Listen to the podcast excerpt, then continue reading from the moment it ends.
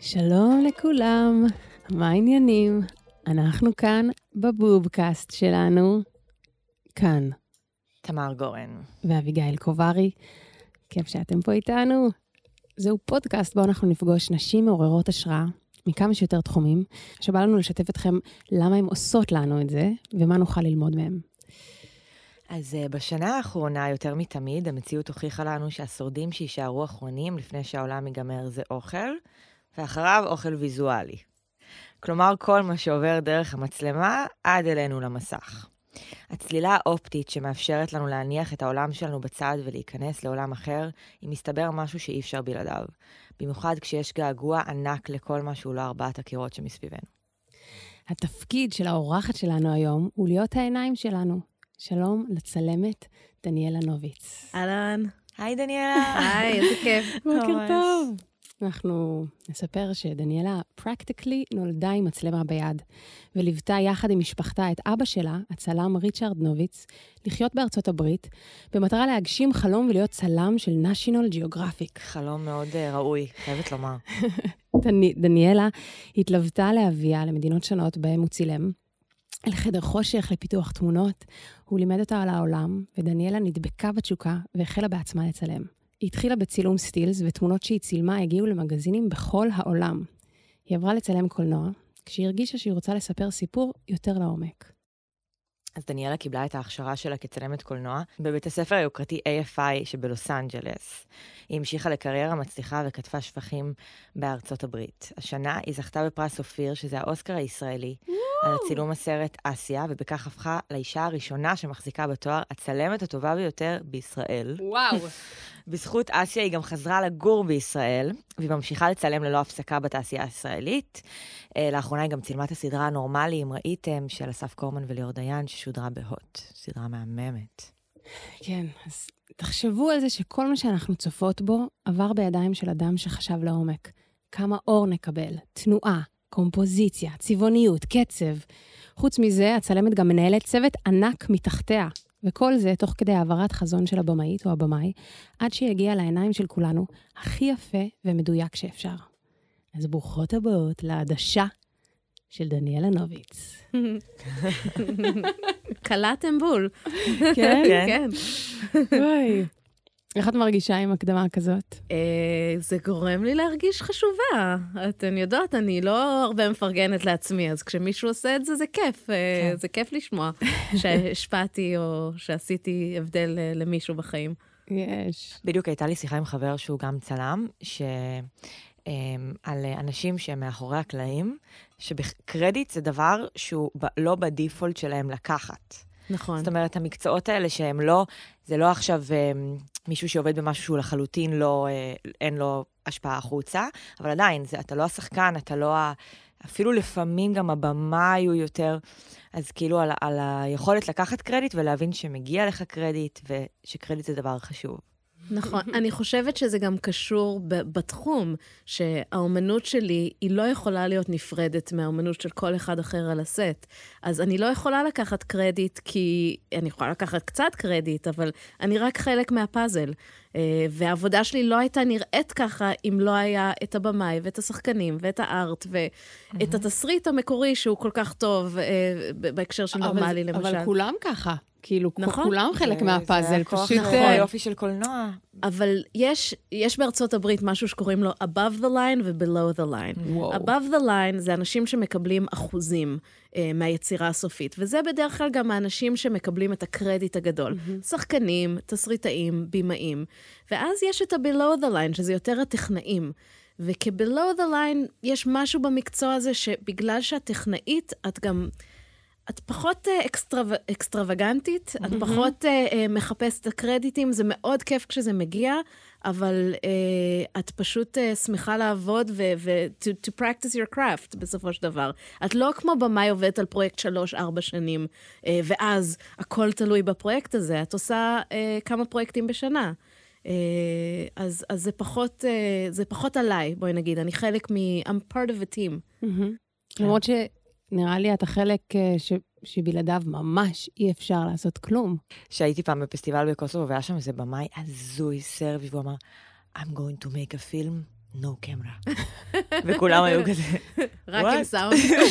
האמת שזה גם. לגיטימי. כזה, This is the revolution. כזה, really? אמ, כן.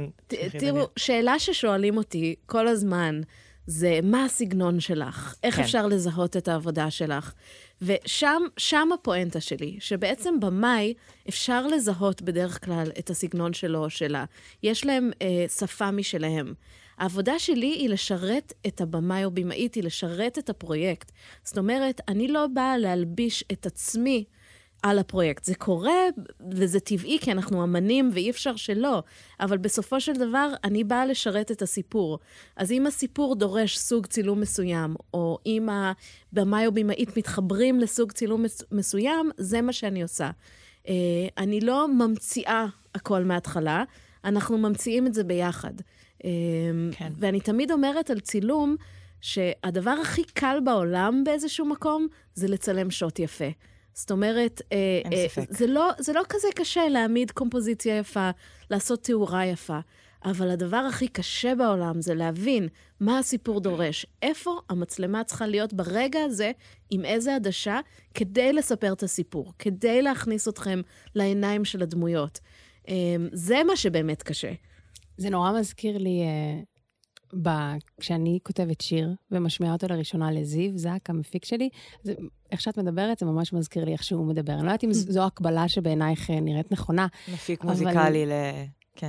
לצלמת, אבל אני משמיעה, אני משמיעה לו את השיר, ואני יודעת שגם בכמה ראיונות שאנחנו, ששאלו אותנו, הוא אמר כזה, אני, אני מקשיב לאביגיל, ואני רואה איזה מין פרצוף היא עושה תוך כדי שהיא שרה, אם הוא יותר כזה מכווץ, או יותר רגוע, או יותר זה, ואני מתחיל לשמוע ולהבין לאן לקחת את זה, ובאמת מהי ההפקה הכי נכונה לשרת את הסיפור של השיר. ו, ובעצם את בן אדם של תמונות, בטח, אני מניחה שאולי במעמד התסריט, את מתחילה כבר...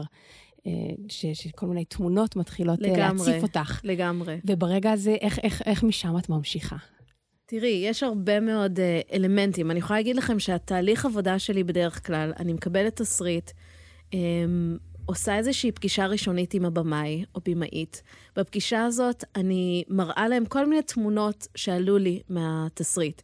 זה יכול להיות כל דבר. זה יכול להיות ציור, זה יכול להיות דברים שאפילו לא נראים קשורים לסיפור, אבל הקשר הוא משהו בטון, באווירה, בתחושה, בצבע, בקומפוזיציה. Um, ועל פי, פי הרפרנסים האלה אנחנו מתחילים שיחה.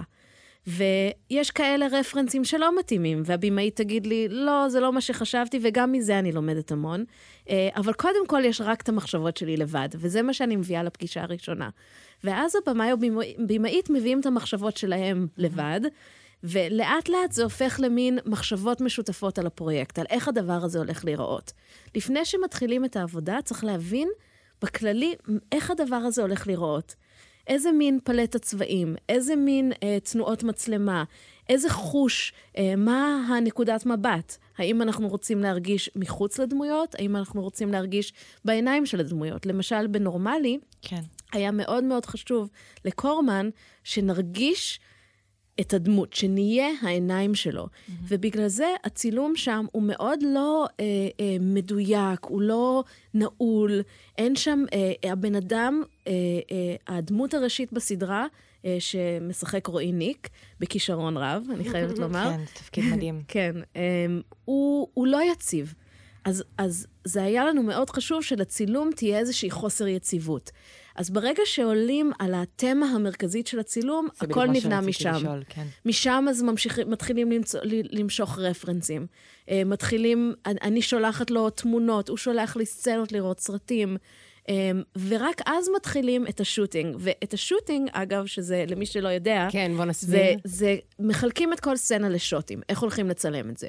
Um, את זה אני לא אוהבת לעשות עד שאני עושה איזשהו ניתוח ראשוני של הסיפור. כי כן. כמו שאמרתי, story is everything. כאילו, יש הבדל, אני לא צלמת פרסומות, אני צלמת קולנוע וטלוויזיה.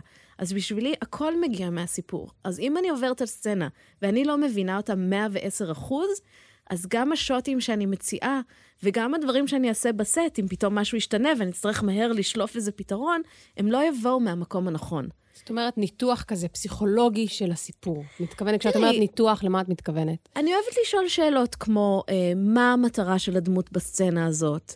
אה, מה הרגע הכי חשוב בסצנה הזאת? מה, אם היית צריך לדמיין, מה האימג' הכי חשוב בסצנה הזאת? כן. אה, אה, איך הסצנה מתחילה, איך היא נגמרת. אה, מתוך השאלות האלה מגיעים כל כך הרבה רעיונות. אה, אני יכולה לתת לכם דוגמה. אה, אני צילמתי סרט בפיליפינים שקוראים לו Watch List. שעל ש- מה הסרט, ככה במשפט? אה, וואו, ראיתי את במשפט. הטריילר, נראה מטורף. תודה, תודה. וואו. זה סרט אה, על מלחמת הסמים, הסמים, מלחמת הסמים של דוטרטה, אה, וואו. אה, שהוא נס, נשיא הפיליפינים. אה, אה, בעצם מה שקורה שם, רגע, זה סרט עלילתי או דוקומנטרי? עלילתי. עלילתי. אני לא באמת עושה דוקומנטרי, אני לרוב עוסקת בעלילתי. אמ, מה שקרה שם, ועדיין ממשיך לקרות, זה שיש להם בעיית סמים מאוד קשה אה, עם סם שקוראים לו שבו, שהוא כמו קריסטל מת, הוא המקבילה של קריסטל מת. וואי, לא שמעתי עליו בחיים, זה משהו של שקורה שם. כן, כאילו קורה גם בכל העולם התמכרות לקריסטל מת. אה, אה, שם יש כן, לזה לשבו. שם ממש חמוד. כן, שם ממש טוב, נכון? שבו, איזה סם חמודי. כן, אולי זה גורם לאנשים לרצות לעשות את זה. אמ, אז, אה, אז הפתרון של דוטרטה, שמה שהוא עושה, זה הוא מבקש מאנשים להלשין על השכנים שלהם. האנשים האלה נכנסים לרשימה בתחנת משטרה, ואז פשוט הורגים אותם, אחד-אחד. אמ, כחלק מהמחקר בסרט, אני יכולה להגיד לכם שאני הייתי בתחנות משטרה, ואני ראיתי את הרשימה, ואני ממש ראיתי שמות של אנשים עם איקס דרך כל שם שהוא כבר טופל. וואו. אמ, אז זה נושא מאוד מאוד קשה, ואנחנו התגנבנו לשם על ויזה תייר. הבמאי הוא אמריקאי-הודי, אני אמריקאית-ישראלית. אה, כל שאר הצוות היה פיליפיני. אנחנו, כמו בסרט ארגו, אם אתן מכירות, כן. הלכנו לשם עם תסריט אחר. על מה אתם באים לעשות? תסריט, אה, אה, אה, משהו על אה, אה, אה, מערכת יחסים רומנטית. מתכוונת, יש- מין אליבי. כזה. בדיוק. היה תסריט פייק, והיה את התסריט האמיתי, שהוא סופר אנטי-ממשלתי, ואתם יודעים, זה סרט שגם מבחינת השחקנים, יש פה איזושהי סכנה לגלם בצורה מאוד מאוד לא... אה, מאוד ביקורתית את הממשל. אה, אז בקיצור, בסצנה הראשונה של הסרט הזה, רשום בתסריט, התסריט האמיתי, בואו נגיד של הסרט שצילמנו, רשום בתסריט שהמשטרה דופקת בדלת של הדמות הראשית של הסרט, אוקיי? עכשיו, לא יודעת, זה כאילו... זה חצי מעניין, זאת אומרת, משטרה דפיקה בדלת. זה יכול להיות מאוד מעניין להיכנס ככה לסרט. אה, אבל כשישבנו ודיברנו על מה באמת הסצנה, הבמאי אמר לי, הסצנה זה על זה שחודרים להם לשכונות, ומוצאים אותם למרות הכל, והשכנים הלשינו אותם, וכולם מסתכלים, וכולם יודעים מה קורה, ולוקחים אותם מהבתים שלהם. אז בסוף מה שקרה זה שהשוט הזה, שדופקים על הדלת, בעצם התחיל עם המשאית של המשטרה מגיעה. ועשינו one shot, שזה שוט רציף שלא חותכים, של חמש דקות, שהמשאית מגיעה. השוטרים יוצאים, רצים אחרי השוטרים דרך השכונה, רואים אנשים מסתכלים, רואים, רואים אה, אה, אה, ילדים משחקים, רואים סמטאות, הולכים דרך סמטאות איזה חמש דקות, ואז בסוף השוט מגיעים לדלת, דופקים על הדלת, והדלת נפתחת, נפתחת ושם הדמות הראשית. מעניין מאוד מה זאת שאת אומרת, אומרת. התסריט שכתוב, דופקים על הדלת, בצילום, בנינו בעצם סצנה שלמה שלא הייתה בתסריט, והייתה ממש לטובת הסרט, כי פתאום זה מבסס את כל העולם, וכל ה, ו, ו, ואת כל העולם החברותי. סביבו הדבר הזה קורה. ואת גם בעצם אומרת, רגע שהוא, שאפשר לקחת אותו, כאילו, בעצם שמה שסימן לך את זה, זה, זה שהוא דיבר על זה שיש איזושהי פלישה. נכון. ומתוך הפלישה הזאת, נכון. יצאה הפרשנות בעצם, בדיוק. של כל המסע הזה עד, עד הרגע ש... כאילו, שחודרים להם לתוך השכונה. בדיוק. ואם לא היית מדברת עם הבמאי על הסיפור, ולא היית כן. יושבת על זה, פשוט היית אומרת, טוב, אין לנו זמן, בואו נקפוץ ישר לשוטינג, אז לא היה כן. יוצא השוט הזה, כי לא היית מבינה, את צריכה, יש המון פסיכולוגיה בלהיות uh, צלם או צלמת. את צריכה ממש לפעמים להבין מה הבמאי או במאית רוצים, בלי שהם יודעים מה שהם רוצים. הוא, הוא באמת מאוד רצה את השוט הזה, מסתבר, אבל הוא לא ידע את זה. הוא לא ידע את זה עד שהוא בעצמו התחיל לנתח את הסיפור. Um, הסיפור זה הכל, זה לא סתם, גם אומרים את זה, בכל בית ספר לקולנוע טוב יגידו את זה. כל אמן אה, שאני מעריכה יגיד את זה, הכל מתחיל בסיפור, כי זה הסיבה שאנחנו הולכים לראות סרטים, לא בשביל הצילום, בשביל הסיפור. אז אני באה אה, לתת שירות לסיפור הזה, mm-hmm. ולעשות אותו יותר טוב, או, או אם לא יותר טוב, להדגיש דברים סיפוריים. יש רגעים ש... את יודעת, לא באמת היו מבינים אותם סיפורית, אם לא היית מצלמת אותם בצורה מסוימת, mm-hmm. או שלא היו חשים אותם אה, באותה צורה חזקה. אה, אני יכולה לתת לכם עוד דוגמה. אה, ה feature הראשון שצילמתי, שקוראים לו Live Cargo, אה, זה סרט... שגם על מה הוא? זה, אז זה סרט, אה, גם, אני, אני, אני מתמחה בנושאים ממש קלילים, תכף תראו. כן, באתר שלך, כל הטריילרים, אני כזה, וואו, יש פה כל כך הרבה אקשן ודרמה, ו- כן. ו- ומדינות שונות, כן. תרבויות שונות. כן, אני, אני ממש איכשהו נכנסתי לנישה של נושאים כבדים מ- מרחבי העולם, אה, עם הרבה אקשן בדרך ו- ו- וסספנס, כאילו. אה, אז הסרט הזה הוא על סחר בבני אדם, בבהאמאס.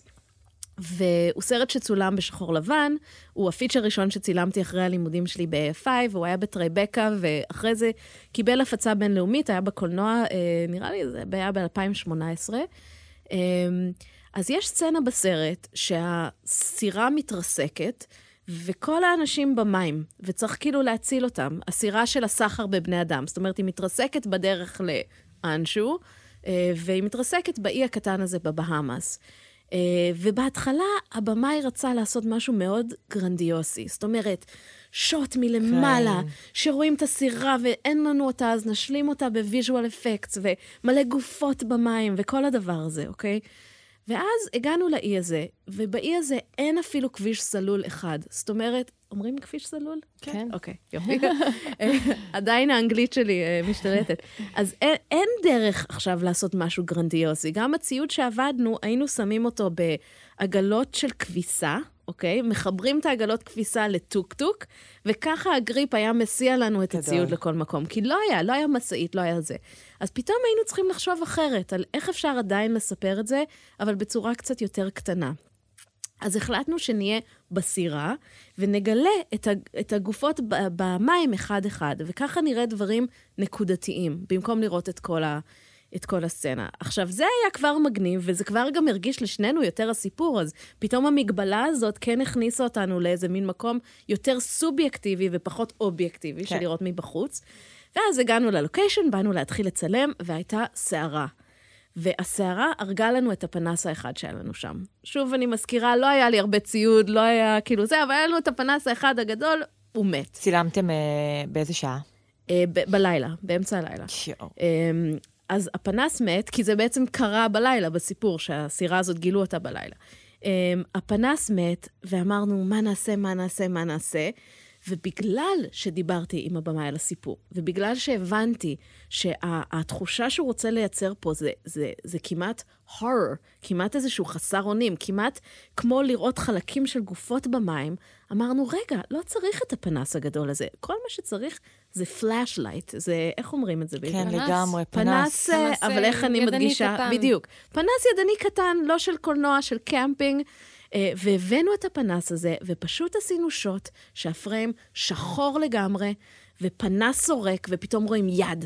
פתאום רואים עין, פתאום רואים רגל, וזה מפחיד, וזה רגע, לדעתי הרגע הכי חזק בסרט, שקרה בגלל שלא היה לנו את האמצעים לעשות שוט גרנדיוזי, ובגלל שמת לנו הפנס, ובגלל שדיברנו על הסיפור, וידענו שדווקא זה מאוד ישרת. אמ, אז שוב, הסיפור זה מטורף. הכל. אני, אני ממש מרגישה שהמקצוע הזה, כאילו, אני מאוד יכולה להזדהות עם התחושה הזאת, שיש, כמו שאמרת, אובייקטיבי וסובייקטיבי, שיש איזשהו, אה, יש את העולם שהגעת אליו לפני שהגעת לסט, את הדרך בה חשבת, את הדרך בה תכננת, ו, ואז יש כאילו את המציאות שאומרת לך, כאילו, רגע, שנייה, זה, זה המקום. המקום הזה, זה מה שהוא מאפשר. לגמרי. צלמי את זה כמו המקום, לא כן. כמו שדמיינת, פינטזת, כאילו, מאוד...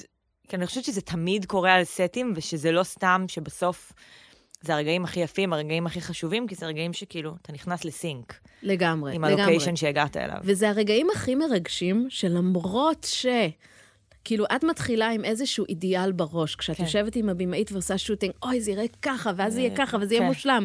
ואז לא מוצאים בדיוק לוקיישן, או משהו קורה, או משהו, משהו משנה את הדברים בסט. אז לצאת מהיום צילום ועדיין להגיע לאידיאל הזה, אבל למרות זה, mm-hmm. והרבה פעמים בגלל המגבלה להגיע למשהו יותר טוב, כן. כי זה מכריח אותך פתאום ללכת עם התחושת בטן הכי עמוקה של איך הסצנה צריכה להיות, כי אין לך הרבה אופציות. את פשוט צריכה לעשות את זה ככה. אה, זה הכי מרגש, כי, כי זה, זה הרגעים של האהה. זה הרגעים, כן, כשהייתי צלמת סטילס, התמונות שהכי ריגשו אותי לא היו התמונות ש... תכננתי, שאמרו לי מהמגזין, אוקיי, אנחנו חייבים אה, תמונה מאוד יפה בשקיעה של העיר הזאת. כל אחד יכול לעשות תמונה יפה בשקיעה של העיר. מה שהיה מרגש אותי זה הרגע האחד שתפסתי איזה מישהי ברחוב, חוצה איזה שלט, והיה אה, קונטרסט בין, ה, נגיד, דוגמנית בשלט לאיזה מישהי זקנה הולכת עם מקל מתחת, או משהו כזה. כן. הם, הם הרגעים שבאים במפתיע, זה מה שעושה את אדרנלין, זה מה שעושה את הריגוש הגדול בעבודה כן. הזאת. ו- וזה, כן. לא, רציתי גם לתת איזושהי דוגמה ש... אני זוכרת שכשצילמתי את הסרט גמר שלי, אז כאילו היה לי, באמת, מהרגעים הראשונים שכתבתי בתסריט, היה שבסוף הגיבורה זה סיפור משפחתי, על, אה, על, בגדול על ילדה שמבינה שהיא צריכה לעזוב את הבית, וכאילו שהבית שלה הוא כבר לא הבית שלה. אבל כאילו היה לי ממש, מה, מה, נראה לי, אחד הדברים הראשונים שכתבתי, זה שבס, שבדירה יש מסדרון ארוך, ויש בסוף שלו מראה, ו, ובסוף הסרט היא הולכת במסדרון הזה, וזה נראה כאילו זה לא ייגמר לעולם. וזה היה לי כזה תקוע בראש, ולא מצאנו לוקיישן, כאילו למצוא בתל אביב דירה עם מסדרון ארוך, זה כאילו באמת... ולא מצאנו ולא מצאנו, וזה כבר כזה, כבר הרגיש לי גם, כאילו די, זה כבר הרגיש לי מאוס, ואז ראינו לוקיישן נורא נורא נורא יפה, ולא היה בו מסדרון, אבל כאילו החלטתי ללכת לראות אותו, ואז הייתה, היה פתאום, כאילו, כשנעמדתי בכניסה, אז ראיתי שיש כאילו שני חדרים. חדר אחד הוא החדר של ההורים, והחדר השני הוא החדר שלה, וכשהיא סוגרת את הדלת, אז אפשר לראות אותה ולא לראות אותה. Mm. מין כזה זכוכית כזאת שכאילו טיפה מעוותת את מה שקורה, כן. אבל עדיין אפשר לראות צללית זזה. ואז כאילו אמרתי, אוקיי, זה הרבה יותר נכון לסיפור. היא היא תיכנס הביתה, יהיה כאן את החדר של ההורים שלה, יהיה כאן את החדר שלה, היא תסגור על המצלמה את הדלת, וכאילו, ותשים את הבית מאחוריה, כאילו, זה הרבה יותר נכון. מצא דרך להתחבר לסיפור ואף לשפר אותו, הרבה, בגלל ממש, המגבלה. ממש, ממש. זה, זה כמעט תמיד קורה, אני לא יכולה לחשוב על הרבה מצבים שמגבלה... אה, אלא אם כן זו מגבלה של זמן, שזו מציאות מאוד מבאסת, שפשוט אין אף פעם מספיק מח... זמן. חלק מחיינו. כן, במיוחד בישראל, אה, כן. אבל אין אף פעם מספיק זמן, אבל אם זה כל מגבלה אחרת, וגם במגבלת הזמן, אני יכולה להגיד שיצאו דברים, למשל, הסרט אה, שצילמתי עם נדב שירמן, הלילה הזה, הוא עוד לא יצא בקולנוע, כי אין קולנוע, אני מקווה שהוא יצא בקרוב. זה סרט שהייתה מגבלת זמן מטורפת. זה לעשות סרט מותחן תקופתי ב-15 יום היה לנו, שזה לא הגיוני. עם, מנקודות מבט של איזה 15 אנשים שונים. אמ, זה משהו שאי אפשר לעשות מהר, ואמרתי לעצמי כשנכנסתי לסרט, יואו, הנה דוגמה של המגבלת הזמן, תהרוג אותנו, תהרוג אותנו. ואז הבמאי, נדב, שהוא איש מבריק, בא ואמר, תקשיבי, המגבלת זמן יכולה להיות לטובתנו. אנחנו נצלם את הסרט כאילו את שם. כאילו המצלמה נקלעה לתוך הדבר הזה, לתוך המקום הזה. אמ, אז אנחנו נעיר כל סט ב-360 מעלות. ואת שזה... תוכלי לעשות מה שאת רוצה. כן. שזה, אגב, להעיר כל סט ב-360 מעלות זה לא משהו שצלמים אוהבים לשמוע, כי זה ממש לוקח ממך אה, אה, הרבה מה, מהשליטה על האיכות הפריים. תסבירי לנו למה. ניכנס רגע לראש שלך, למי שלא מבין. כי בצורת עבודה סטנדרטית. את כן מאירה את הסט בצורה כללית, אבל אז את משפרת את התאורה בכל שוט, ואת מדייקת, ואת מביאה את זה למקום יותר uh, מקצועי, בואי נגיד, או יותר מלוטש. Uh, ובמקרה של אומרים לך, פשוט תאירי 360 וככה נצלם, וגם אולי הדמויות יעשו אימפרוב. את לא יכולה לשלוט אם הם הולכים למקום שנראה פחות טוב. את רק יכולה ללכת אחריהם ולנסות בכל זאת לעשות שוטים טובים בתוך המגבלה הזאת. Mm. אז בהתחלה זה מאוד מאוד הפחיד אותי, המחשבה ממש, הזאת. ממש, כאילו, כאילו לאלתר. כן, לגמרי, ובמיוחד שבאתי, זה, זה סרט שצילמתי אחרי אסיה, ואסיה זה סרט שהוא מאוד מדויק. זאת אומרת, אה, רותי היא, היא, היא במאית אולטרה ויזואלית, והיה לה תוכנית מאוד מדויקת, היה לנו ביחד תוכנית מאוד מדויקת לכל שוט, ובאמת, אם אני מסתכלת אחורה על העבודה שלנו, הסרט די יצא כמעט בדיוק אותו דבר. כן. היו כמה דברים שאני יכולה לדבר אחרי זה, אבל הוא היה מאוד מדויק. ופתאום לסיים את הסרט הזה, ולבוא למישהו שאומר, תקשיבי, אני לא רוצה להתכונן, אני לא רוצה לעשות שוטינג, אני לא רוצה. אפשר לדבר על הסיפור, אבל לא, לא, אפשר לדבר על רפרנסים, אני לא רוצה מעבר לזה, אני רוצה שתאירי כל חלל ב-360 מעלות, ואני פשוט אזרוק אותך פנימה, ונראה מה יהיה. כאילו, את מרגישה כמו שפן ניסיון, את אומרת, יואו, ואני... זה יכול להיות גם מאוד מעצבן. כן, כאילו, כאילו לוקחים ממך קצת את האומנות שלך באיזשהו לגמרי, מקום. לגמרי, ככה זה... מציאות. לגמרי, וככה זה הרגיש לי בהתחלה, אבל העניין הוא בתחום הזה שצריך לסמוך על בימאים. יש להם vision, יש סיבה שהם יושבים פרויקט הרבה זמן. הם יודעים רוב הזמן מה הם רוצים. אפילו אם הם לא יודעים שהם יודעים מה הם רוצים, בסוף מבינים שכן יש להם איזשהו vision. ובהקשר של הסרט הזה, הצורת צילום הזאת, קודם כל הסרט היה מועמד לפרס הצילום באופיר, אז כנראה שמשהו כן הלך טוב, אה, אבל הצורת צילום הזאת בשבילי שחררה אותי לגמרי. אני, אני רואה את הסרט, ואני אפילו לא זוכרת שצילמתי את השוטים האלה, כי הייתי באיזשהו מקום אחר. אמ, ו, ו, ובסרט רגיל, בוא נגיד, באים לסט, עושים uh, חזרת שוטינג, רואים איפה השחקנים הולכים, מה הם עושים. הוא גם את זה לא רצה. הוא לא רצה שאני אראה. הוא רצה שאלמנט ההפתעה והשוק יעברו למצלמה. מאוד אמיץ. מאוד אמיץ, מאוד מפחיד, ממש. אבל פתרון מדהים לזה שיש 15 ימי צילום, ואי אפשר בדרך אחרת לצלם. אני חושבת שהטייק הכי ארוך שלנו היה 35 דקות. טוב, וואו. שבתוך הטייק הזה אולי יש 10 או 12 שוטים שנכנסו לסרט, שוטים שונים. ש... שזה יחסית הרבה. הרבה, mm-hmm. כן. שבעצם אה, אני... עם המצלמה והשחקנים לבד בתוך חדר סגור. הבמאי נדב על מה הסרט? רק תגידי. אה, סליחה. הסרט, הסרט הוא על התקרית אה, של בני ערובה, שהיה בקיבוץ משגב עם ב-1980. אה, נכון. Uh, ובעצם... Uh, חטפו ילדים, נכון? לא חטפו, פלשו לתוך הקיבוץ. Uh, רצו בעצם לקחת מבוגרים, הלכו לחדר אוכל לנסות לקחת, היה ערב פסח, אבל כולם היו בהופעה של חווה אלברטשטיין. הקיבוץ היה ריק מאנשים, והיו רק הילדים. אז הם ראו אור באיזה בית, לא ידעו אפילו שזה בית ילדים, נכנסו, ואז קלטו בדיעבד שיש להם ילדים ותינוקות על הידיים. אה, וככה הסיטואציה התחילה. אמ, אז, אז קודם כל זה גם נושא שהוא מאוד מאוד אה, עם אלמנטים של פאניקה, של אה, חוסר יציבות. כמו שאמרתי, אם נורמלי, המצלמה כן באה לשקף, אה, בהקשר הזה המצלמה באה לשקף את האירוע. בהקשר של נורמלי, המצלמה באה לשקף את הדמות. אבל פה הדמות היא האירוע שקרה. אין דמות אחת ראשית לסרט. אז, אז בעצם בגלל שהאירוע היה כל כך מפתיע, ובגלל שאף אחד לא ידע מה הולך לקרות, אז גם המצלמה לא ידעה. והוא ממש צודק, נדב, שאם הייתי יודעת, היה לי מאוד קשה ליצור הרגשה, את לזייף את זה, לזייף הרגשה שאני לא יודעת, שאני לא יודעת מה הולך לקרות, לאן השחקן הולך ללכת. אה, ובאמת, זה שלא ידעתי, יצאו מזה דברים שאני אפילו לא ידעתי שיש לי את זה בתוך עצמי.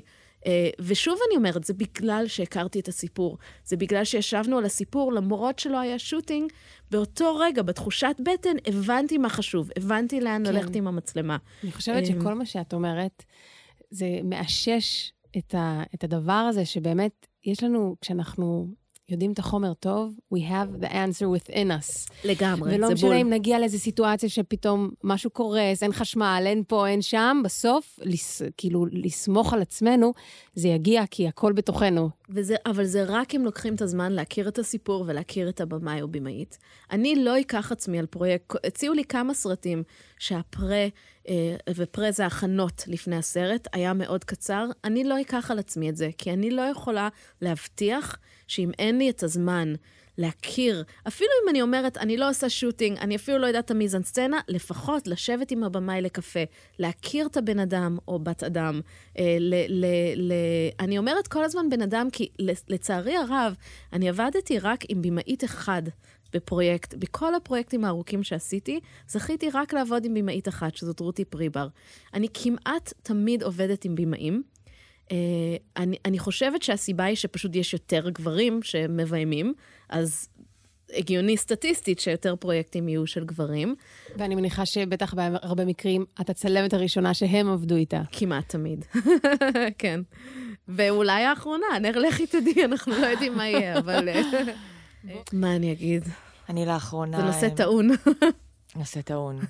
לא, אבל נושא חשוב, ואני גם חושבת שהוא הוא מאוד אה, נוכח כאן בפודקאסט, שאנחנו באמת מארחות נשים שהן קודם כל אה, בנות אדם מעניינות וחשובות, אבל בדרך כלל, הרבה פעמים, חלוצות במה שהן עושות. אה, אני גם אה, אומר שלפני שבועיים עבדתי פעם ראשונה עם צלמת. וואו. כן. יש לי הרבה מה לומר על החוויה הזאת. בשבת האחרונה אה, ביקרתי את המשפחה שלי, וישבנו ואיכשהו מהר מאוד הגענו לוויכוח סוער עם האחים שלי, יש לי Mm. אחות ושני אחים, ואיכשהו דיברנו, יצא לא מזמן איזשהו... הם, הם, אה, פרסמו משתתפים בפסטיבל כלשהו של מוזיקה, והיה כזה טררם גדול על זה שרוב המשתתפים אה, זה 40, בערך 40 גיטריסטים ושתי גיטריסטיות. וואו. וכל הסיפור הזה של, אה, של האפליה הזאת, כן. או מה שזה לא אומר.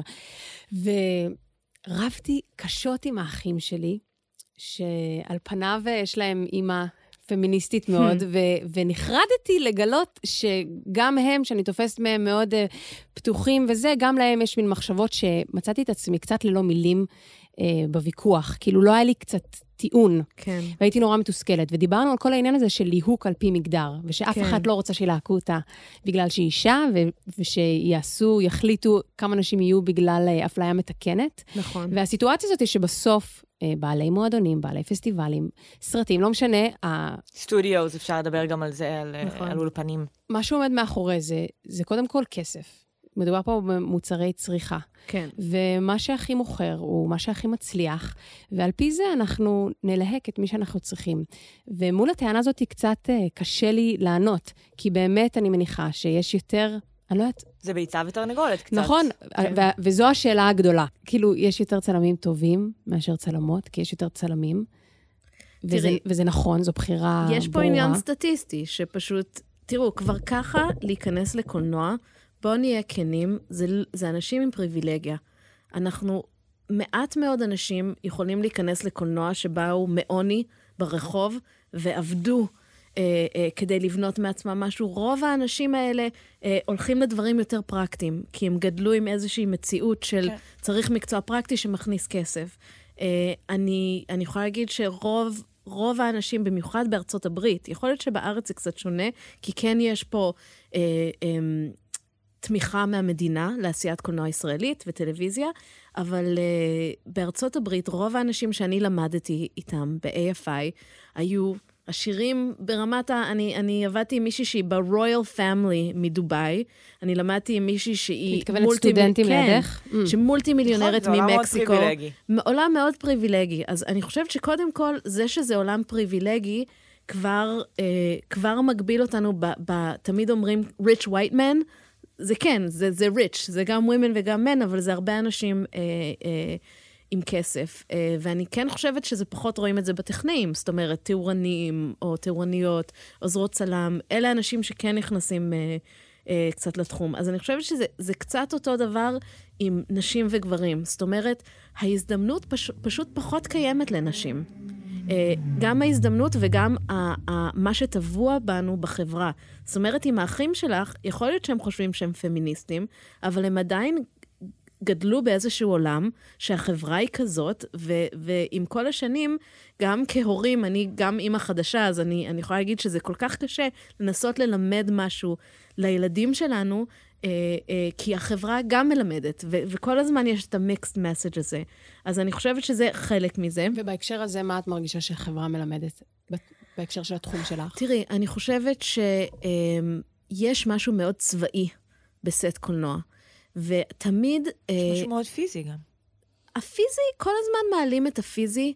אני, אני חייבת לומר שאני צילמתי, אה, אני אדם קטן, אני מטר וחצי, אני לא בריון, אה, ואני צילמתי את נורמלי, אה, מצלמה על הכתף של 12 קילו באוגוסט, בהיריון, וזה היה בסדר, וואו. זאת אומרת, טוב, לא על זה הייתה לי אנחנו נתעכב הפלה. אחר כך, ולא כן. זה, זאת אומרת, הפיזי זה ממש לדעתי מיתוס. זאת אומרת, יכול להיות שזה לא היה לפני 20 שנה, אבל גם לפני 20 שנה בהוליווד לא, אפילו לא, לא מצלמים, יש אופרטור. זאת אומרת, בארצות הברית, נכון. בסרט סטודיו, אסור לך לצלם, זה חוקי האיגוד. את חי- ה-DOP, לצלם- כאילו, ה-DOP. אז, אז אני חושבת שהפיזי זה סתם כזה תירוץ של גברים, של שנים של, לא, אתן חלשות מדי, זה בולשיט. אני לא חושבת. סלש אולי גם אה, משהו שנשים אומרות לעצמם, כאילו מלכתחילה, כי כי מישהי רוצה את זה. לצלם, אולי זה כן מאיים עליה. אז זה מה שאני אומרת, זה התפיסה של החברה. מכניסה לנו לראש שאם את אישה, אז אולי תלכי לעריכה, כי זה לך יותר קל, או שאולי כן, תלכי לארט. לכתיבה. כן, בדיוק. זה, זה, את כבר יוצאת מנקודת הנחה שיש פה מקצוע מאוד פיזי, שאת לא תצליחי. זה דבר ראשון. ודבר שני, זה, זה הדרך שהסט מתנהל. Uh, אני, אני חושבת uh, שהצלם או הצלמת זה הבן אדם שהבמאי הכי בונה עליו בסט. כי בעצם את שם לתרגם את הרעיונות שלהם ולנהל את הסט בשבילם באיזשהו מקום. זאת אומרת, את חייבת לקחת מהם קצת מהניהול, כי אם לא, הם לא יצליחו לתפקד, הם לא יצליחו לעבוד עם השחקנים, הם לא יצליחו לחשוב על הסיפור. Uh, ויש כל מיני אנשים שלוקחים את הניהול הזה, אחד מהם זה העוזר או עוזרת במאי.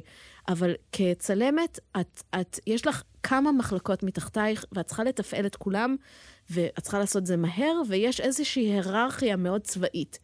ושוב אני אומרת, בחברה טבוע בנו, שיכול להיות שיש נשים בצבא, אבל הקפטן הכי גבוה זה גבר. זה ש, ש, שמריץ את האנשים, זה שיש לו סמכות אה, לדעת ואת הניסיון ואת ה... את יודעת, יש איזשהו... זה הכל טבוע בחברה, וזה שוב, אני אומרת, בולשיט, כי נשים הן מדהיג, מנהיגות מדהימות. בואו נראה עכשיו בעולם עם התגובה לקורונה. אפשר לראות שכל ה- המדינות שהיו להן prime ministers נשים, כן. אה, אה, טיפלו יותר טוב בקורונה. דווקא באפליה המתקנת אני כן מסכימה, ואני אגיד לכם למה. כי יש מלא מלא נשים מוכשרות, ואפשר לראות את זה שנשים עשו סרטים ששברו את שיא ה box office בהוליווד בשנתיים האחרונות, והם לא, הם לא מקבלים הזדמנות, לא בגלל הכישרון שלהם, אבל בגלל הקשר הפוליטי. זאת אומרת, בגלל שיש שם סוג של boys club, והמפיק מכיר את הצלמים שמכיר את הבימאים, וכל הגברים האלה עובדים ביחד. אז אני כן חושבת, זה לא שהוליווד אומרים, תביאו אנשים שלא יודעים מה הם עושים, הם אומרים, תראו את כל השוק הזה, את כל האנשים האלה, שהם גם נשים, ושחורים, ואסייתים, וכל מיני אנשים שהם לא ב boys club שלכם, ותביאו אותם לתפקידים. זה לא שהם אומרים, תביאו סטודנטים, או תביאו אנשים שלא יודעים מה הם עושים. אלה אנשים אולטרה מוכשרים. הם, אז, אז, אז אני כן חושבת שבהקשר הזה זה טוב. זה טוב להכריח גברים לבנים לעבוד עם אנשים שהם לא גברים לבנים. התפיסה של ניהול צוות כמשהו עם המון אה, distance, עם המון, אה, אה, עם אה, סמכות, עם טון גבוה. לגמרי. עם, כאילו... strict, גם- סטריקטית. כן, גם, גם את זה אפשר לשים בסימן שאלה. אני יכולה להגיד לגמרי. שאני לפני שבועיים אה, הייתי ביום צילום עם צוות גדול, שאני ביימתי, היה צחוקים, היה כיף, לא הרמתי את הכל פעם אחת ויצא מהמם. לגמרי. אז אני כאילו אומרת, שנייה, בוא נשים הכל, אה, לפעמים גם ה... כאילו, ה...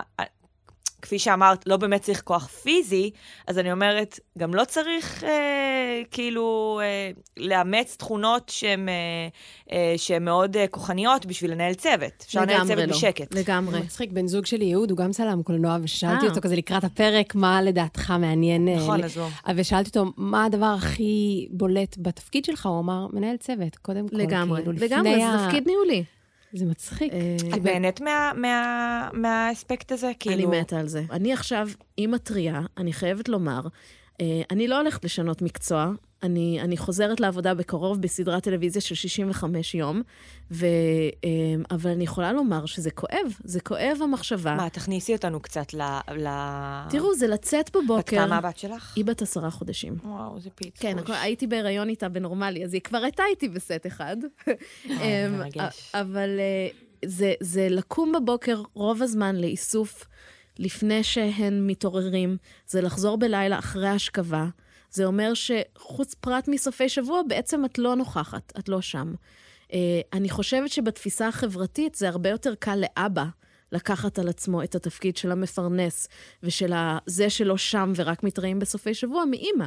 אני, אני בעצמי מרגישה את זה. זה, זה, זה. זה עושה לי רע, המחשבה הזאת. לא ברמה שאני לא אקח את העבודה. את הולכת ולא... לעשות את זה, אבל ברור, את החלטת לעשות ברור. את זה. ברור, אני לא אפסיק, אני, אני מאוד אוהבת את העבודה שלי. אני לא רוצה שהבת שלי תראה מישהי ממורמרת ושוויתרה על החלומות שלה כדי לגדל אותה. אני רוצה לתת לה דוגמה של אישה שהולכת אחרי מה שהיא רוצה. אה, אה, עכשיו, יש נשים שעוזבות את המקצוע לגדל ילדים, ואני לא מעבירה על זה שום ביקורת. כאילו, אני חושבת שזה מדהים אה, אם זה מה שנכון להם. זה פשוט לא מה שנכון לי. אה, ואני יודעת שאני אהיה לא מאושרת, ואז היא תראה אימא לא מאושרת, ו- ולא יצא לי מזה mm-hmm. כלום. אבל עדיין, המחשבה של ארבעה חודשים צילום, לראות ילדה בת שנה רק בסופי שבוע, זה קשה. ואני לא באה להיות סקסיסטית, אבל אני כן חושבת שזה יותר קשה לאימא. כן. במיוחד אימא שמניקה, אה, ואני אני, אני חושבת שזה גם הרתעה מאוד גדולה שיש כן. במקצוע הזה, לא רק של צלמות, אבל כעובדות סט. זו הסיבה שיש פחות עובדות סט, כי בסופו של דבר... את צריכה להכריע. כן. כאילו, אי אפשר גם וגם. ואת יודעת, יש מקצועות שכן אפשר קצת יותר גמישות. נגיד את שחקנית, אז את לא כל רגע של כל יום עובדת. את לא צריכה נכון. לבוא מוקדם ולהישאר מאוחר. אה, את לא צריכה לשבת עם הבמאי בזמן ארוחת צהריים ולתכנן את הצהריים. את יכולה לבוא לסצנה, אז הבת שלך אולי באה לסט, את קצת כן. איתה, אז את חוזרת, זה מדהים. במתיר עגונות לרז חממי באה עם התינוקת הקטנה שלה ועם אימא שלה, ובין הטייקים היא הניקה אותה, ואימא שלה הייתה שם. לי וזה... אין בין הטייקים. אני כן. עובדת גם בטייקים וגם בין הטייקים, אז בשבילי אין לה מה לבוא. לא, כאילו, דניאלה, לא... זה משוגע, אבל זה משוגע, זה, זה באמת כאילו... קודם כל, זה מדהים לחשוב על זה, ואני כאילו... אני, כאילו, זה ממש מעניין אותי אם היה לך, אם זה בסדר לשאול, כי זה עולמות, אם היה לך כאילו מחשבות על בכלל לוותר על האימהות בגלל המקצוע. תראו, אני הבאתי אותה בגיל 40, אז, אז כמעט ויתרתי על האימהות, אם חושבים וזה, על זה. וזה בגלל זה? Um, אני לא יודעת אם, אם להגיד שזה בגלל זה. לא היה לי איזה רגע שאמרתי, אני צלמת אז אני לא רוצה להיות אימא, או שאני לא רוצה ילדים. פשוט תמיד אמרתי, את הרגע. כן, עוד סרט, עוד סדרה, אני עוד לא מוכנה, אני עוד לא שם, אני עוד לא זה, אני עוד לא פה, אני עוד לא שם. ובאיזשהו שלב פשוט הבנתי ש... שאני עוד שנייה בת 40, ואני לא יכולה להשתמש בתירוץ הזה יותר. זה כזה now or never. אה, ושאני, ו, ו, וזה היה מאוד מפחיד כשגיליתי שאני בהיריון, שגיליתי ביום הראשון של הצילומים של נורמלי. לא, את חייבת לקחת אותנו לרגע הזה. תקשיבו, זה היה משוגע, כי נורמלי זה סדרה, לא כל סדרה היא ככה מצטלמת. זה לא רק מצלמת כתף, אבל את, אתן ראיתן, זה מצלמה שכל הזמן זזה. כל כן. הזמן, כאילו בשיגועים. אה, וצילמנו את זה עם עדשת זום, שהן עדשות יותר כבדות. אה, אז כבר ככה היה לי מצלמה מאוד כבדה. אה, על הכתף, 12 שעות ביום, פלוס היה אוגוסט בתל אביב, שכולנו יודעות מה זה אוגוסט בתל אביב. אה, לא היו הרבה מזגנים בלוקיישנים שהיינו. אמ, אז, אז זה קצת היה מפחיד בהקשר שכשגיליתי שאני בהיריון, אמרתי, טוב, אני מקווה שכאילו יהיה בסדר. גם כולם אומרים, הטרימסטר ראשון זה הכי רגיש, הכי רגיש. אני שמחה לבשר שיש לי בת מאוד בריאה וחמודה, ושאין... לא, בנות, כנראה, בשביל זה צריך לשים מצלמה על הכתף, ו... הלוואי והיום הייתי בכושר שהייתי בהיריון. כן, לא, זה היה... אמ, אז, אז זה היה מאוד מרגש. זה גם היה קצת מפחיד. אני, אני קצת פחדתי זה נשמע מגוחך להגיד, אבל אני קצת פחדתי שיפטרו אותי. Um, לא בגלל שחס וחלילה אסף קורמן, שהוא האיש הכי מדהים והכי סופורטיב ever היה עושה, אבל בגלל שלפני שצילמתי אסיה, זה היה לי, אמור להצטלם שנה לפני.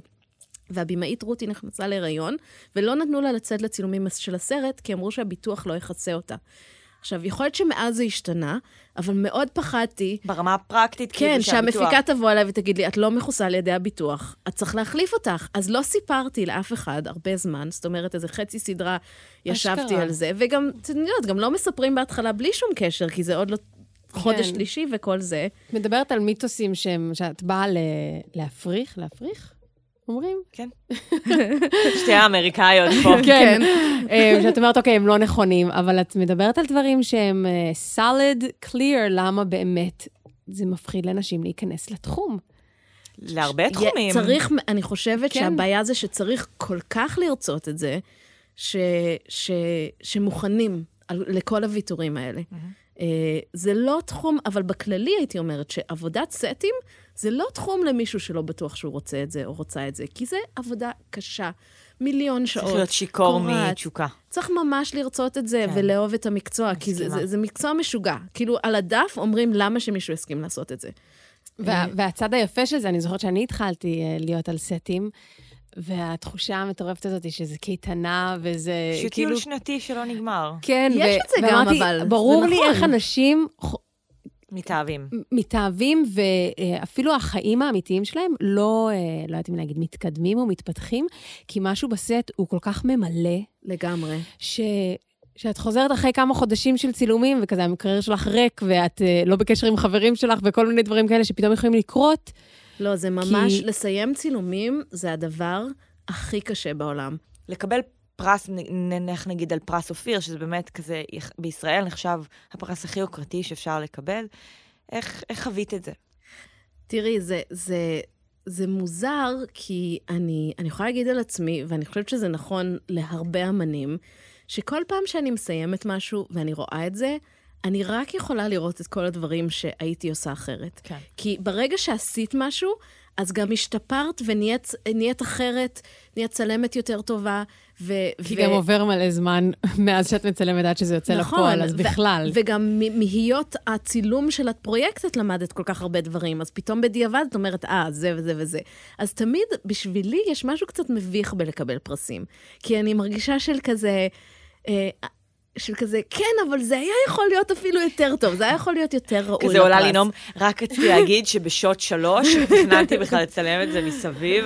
כן. זה, זה מאוד קשה לי לצפות ביצירות שעשיתי אחרי שלב התיקוני צבע. מאוד קשה. כי כן, אני, אני יודעת כשדברים טובים או לא טובים או whatever, אבל תמיד, את יודעת, אף פעם לא יהיה את האידיאל על הסט. תמיד יהיו דברים שרצית שהם יהיו ב-100%, אבל הגעת ל-90%, ואולי אם היה לך עוד שעה, יכולת להגיע גם ל-110%, אבל לא היה לך. אבל לפעמים גם היום את ב-80%. חווה את זה?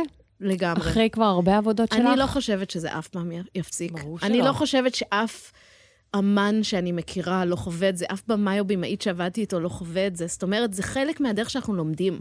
אם, אם היינו חושבים שכל מה שאנחנו עושים מושלם, אז לא היינו משתפרים. לא, אבל יש אנשים שלא מחפשים, כאילו, ה- אני מניחה שאולי אצלך יותר מאנשים אחרים יש את הרצון למושלם, לאידיאל. אה, יש את הרצון, אבל בגלל המגבלות של המקצוע הזה, שהוא מגבלות הזמן והכסף, יש גם את הידע שזה אף פעם לא יהיה מושלם. אבל שום דבר לא יהיה מושלם. נכון, נכון.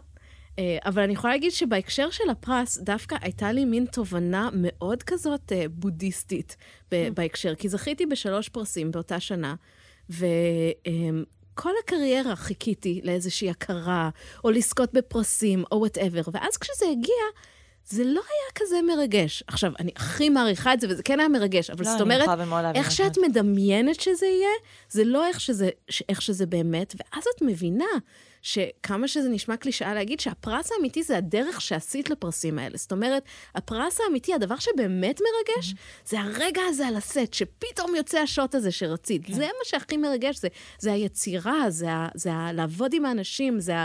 ה- ה- יותר מרגש לסגור את הפרויקט הבא המרגש באיזשהו מקום, מאשר לזכות בפרס. כי זה מאוד בדיעבד, וזה נחמד ההכרה, אבל ב- לאהוב את העבודה זה, זה הכל. כן אומר שזה זה נורא ריגש אותי בהקשר המגדרי. זאת אומרת, אני כל הזמן, כל הזמן מקבלת מיילים ושאלות מסטודנטיות, גם פה וגם בארצות הברית, שאומרות לי, האם זה מקצוע שאני באמת יכולה להיכנס אליו? אז האם בואי זה מקצוע תעני לנו שאני פה. באמת... אז כן, obviously, דה, כאילו מה? כן, ברור שאפשר. אה, אה, ברור שצריך מאוד לרצות את זה, כי זה נורא נורא קשה להצליח במשהו שהוא, אה, שאנחנו שתי אחוז בו. זאת אומרת, אפשר להגיד את זה על, על הרבה מקצועות ש, שאנחנו באחוז קטן כנשים. אנחנו קצת צריכות להוכיח את עצמנו, לא יודעת אם צריכות, אבל בסוף הרבה, הרבה מאיתנו מרגישות שאנחנו צריכות להוכיח, לתת את מר- ה-150 אחוז. זה מרגיש שאת צריכה, את לא יכולה, זה מרגיש שיש הרבה אה, צלמים בינוניים, את לא יכולה להיות בינונית. כצלמת את צריכה להיות מעבר. ככה זה מרגיש. אולי זה ישתנה. החלום שלי זה שנוכל גם להיות בינוניות באיזשהו מקום. טוב, יש לנו פינה, דניאלה. כן? יש לנו פינה של שאלות מהירות. אה, וואלה? כן. או-אה, או-אה, הלחץ. טוב, נו, מתבקש כאילו, מה הסרט האהוב עלייך? וואו. לא, אוקיי, הסרט האהוב עלייך נכון להיום, זאת שאלה מאוד בעייתית. זה פשוט, זו שאלה ממש פשוטה. מה הסרט הראשון שעולה לך שהוא... תראי, אני לא יכולה להגיד שיש לי סרט אהוב. זה, זה בלתי אפשרי להגיד נכון, כזה דבר. מסכימה. אה, אבל אני יכולה להגיד שהסרט שגרם לי לרצות לעשות קולנוע זה שמונה וחצי של פליני. אה, שזה זה פשוט, בתוך הסרט הזה טבוע כל הפסיכולוגיה של קולנוע. הריגוש, האדרנלין, האכזבה, ה... כאילו, יש שם את הכל. אה, קשה לראות את הסרט הזה ולא אחרי זה לרצות לעשות קולנוע. וואו, חברים, אז זה בעצם טיפ לצלמות שרוצות, פשוט תראו את שמונה וחצי של פליני, זה יעודד ואז אתכם. תתמלאו בתשוקה. אחרי זה גם, אגב, עברתי לאיטליה, אז בכלל הסרט הזה עודד וואו. אותי בכל מיני דברים. אמ, טוב, אז הבנו מה אבא שלך אה, החדיר בך כיל, כילדה שהשפיע על הקריירה שלך. מה מהתכונות של אימא שלך עבר אלייך כצלמת? אימא שלי היא סופר וומן. היא בן אדם שגדלה בדרך הכי ענייה, הכי קשה ever, ועשתה? כל כך הרבה. היא גדלה בירושלים, היא, יש, היא עם תשע אחים ואחיות, במשפחה עיראקית פרסית. היא ישנה במיטה, מיטת יחיד עם עוד ארבע אנשים, הרבה וואו. מהילדות. היא נקטה בתים במקום ללכת לתיכון, בילדות שלה, כשסבתא שלי הייתה בהיריון. אמ, היא בן אדם שכאילו, למרות הכל, היא יכולה לעשות הכל. אבא שלי הוא יותר החולם, אבל אימא שלי באמת עברה כל כך הרבה קשיים ויצאה מהצד השני, ש, שאני חושבת שזה מה שלמדתי ממנה, שכל דבר אפשר לעבור. היא פשוט הבן אדם הכי חזק שאני מכירה. וואו. אה, והיא, למרות שהיא היא, היא גילתה את הקריירה שלה בגיל מאוחר, זאת אומרת, רוב הילדות שלי הייתה הוממייקר. היא, אבא שלי עבד והיא הייתה איתנו. אה, ועכשיו היא מפרנסת אותה ואת אבא שלי, ואבא שלי הוא retired. אה, ו- וגם לראות שמישהי יכולה בגיל 60 להתחיל קריירה חדשה ולפרנס את המשפחה, היא פשוט הבן אדם הכי מדהים בעולם. ואני וואו. הרבה יותר אפילו מעריכה אותה היום שאני גם אימא. אה, איך קוראים לה? ורדה. וואו. מרגיש שחבל שלא דיברנו עליה. טוב, זו שאלה מתבקשת לצלמת, זריחה או שקיעה? או-אה. אמ, תגידו, מג'יק אאואר, הביטוי, זה רק לשקיעה? כן, נראה לא, כאילו לא, לא. גולדן. תראו, יש בתאורה, זה מאוד פשוט. יש את הזמן לפני השקיעה, או אה, לפני הזריחה, אז יש את הזריחה, ואז יש את הבוקר. הזמן שאני הכי אוהבת לצלם זה הבלו, זה Blue הכחול. hour. זה הדבר הכי יפה בעולם. מה שזה מה? שזה כשכבר לא חושך ומרגישים את השמש, זאת אומרת, השמש נוגעת מספיק, לא רואים אותה, אבל היא נוגעת מספיק כדי להפוך את השמיים לכחולים. זה כזה 25 דקות לפני הזריחה, משהו כן, זה כזה. זה תלוי, זה משתנה לפי עונה, לפי מקום. לפי ב- עננים, נכון? תמיד צלמים אומרים, אבל-. אבל מתי זה יהיה? אני לא יודע אם יהיה עננים. כן, זה לפ... עננים עושים את זה יותר קצר, זה משתנה לפי מק... מיקום בפלנטה, כל מיני דברים משנים את זה. והרבה פעמים מפיקים קוראים לזה garbage time, כי זה כן. הזמן שצריך לחכות. שזה המושג הכי לא הגיוני לי, כי זה magic time, זה, זה הזמן הכי יפה לצלם. ההבדל בין כן. צלמת למפיק. איזו מדינה שעבדת בה, היא הייתה בתרבות הכי שונה מבחינת עבודה וסט לישראל? אה, תראו, הייתי אומרת שבפיליפינים זה לא בהכרח דבר טוב, זאת אומרת, עובדים שם ימים של 24 שעות. אז כן, עושים בצילומי קולנוע וטלוויזיה יום כן ויום לא. שוכרים את הצוות ואת הציוד ל-24 שעות, מחזירים את הציוד ל-24 שעות, לוקחים אותו שוב. אימא'לה, אמ, נשמע מחריד. כן. טוב, שאלה אחרונה, מתבקשת. מה התמונה האחרונה שצילמת בטלפון? וואו, זה רוב הסיכויים הבת שלי.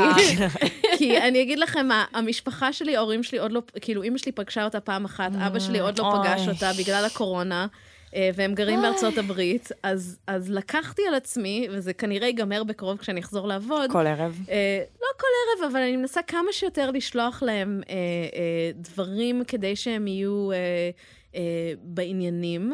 אה, אני, אני, לפני שהיא נולדה, הייתי מאוד אוהבת לצלם סטילס, והייתי עושה את זה. אה, אבל עכשיו אני, אני במין מקום כזה בחיים שאני מנסה להבין איך בכלל יש זמן גם לעבוד כצלמת וגם לג- לגדל ילדה, אז אין לי כאילו את הזמן הפנוי של אה, לבשל ולחקור את עצמי. אז, אז לצערי הרב, אה, רוב הסיכויים שזה פשוט cute baby photo, ולא משהו הרבה יותר מרגש מזה. הכי טוב בעולם.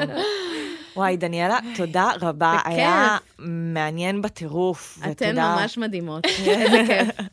עשית חשק בטירוף, כן? והכנסת מלא אנרגיה, כן. יופי, אני כל שמחה. הכבוד לך. ככה אני גם מנסה יחזור. לעשות לצוות שלי, אז אני מקווה. שזה יש. עובד. יאללה, שהעולם יחזור, נחזור לראות סרטים יפים. על המסך. הגדול, אמן, אמן, אמן, איך אני מתגעגעת לקולנוע. אנחנו היינו הבובקאסט, אביגיל קוברי. תמר גורן, הייתה איתנו דניאלה נוביץ. ונשים תודה. לינקים לדברים שמדהימים שלה.